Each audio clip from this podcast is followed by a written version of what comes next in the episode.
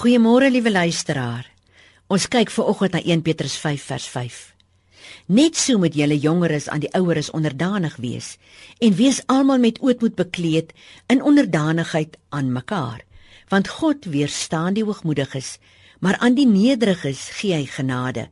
Verneder julle dan onder die kragtige hand van God sodat hy julle kan verhoog op die regte tyd. Nederigheid is Jesus se gesindheid wat hy in ons wil hê. So dit is die gesindheid van jou hart. En as Jesus nog nie jou hart verander het nie, het ons nie die vermoë om dit uit te leef nie. Hy sê: "Neem my juk op julle en leer van my, want ek is sagmoedig en nederig van hart, en julle sal rus vind vir julle siele."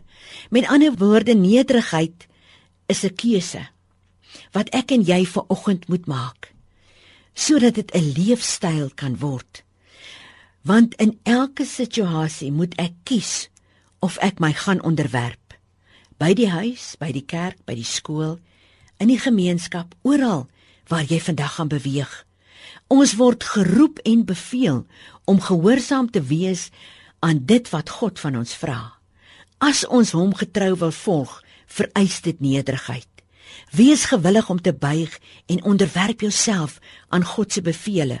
Ons sing so maklik I surrender all met ons mond terwyl my hart nie gewillig is om klaar te kry met wat ek daarin koester nie. Daarom sê die Here: Bewaak jou hart meer as alles wat bewaar moet word, want daaruit is die oorspronge van die lewe. Die Here sê nie ons moet nederig voel nie. Nederigheid is nie deel van die vrug van die Gees soos ons in Galasiërs 5:22 vind nie. Dis nie 'n karaktereienskap wat ek outomaties het nie. Die Here vra ons om nederig op te tree. Kan ek dit regkry om iemand anders hoër te stel as myself? Dis 'n eenvoudige keuse, 'n gesindheid teenoor ander. So wanneer jy in die oggend aantrek vir die dag, moet jy onthou om jou denkbeeldige voorskot van nederigheid om jou vas te bind. Want dit beteken die volgende: Ek trek die nuwe mens aan. Ek trek beskeidenheid en kalmte van gees aan. Ek trek deernis, vriendelikheid, nederigheid, sagmoedigheid en geduld aan. Ek trek liefde aan. Ek trek nederigheid aan.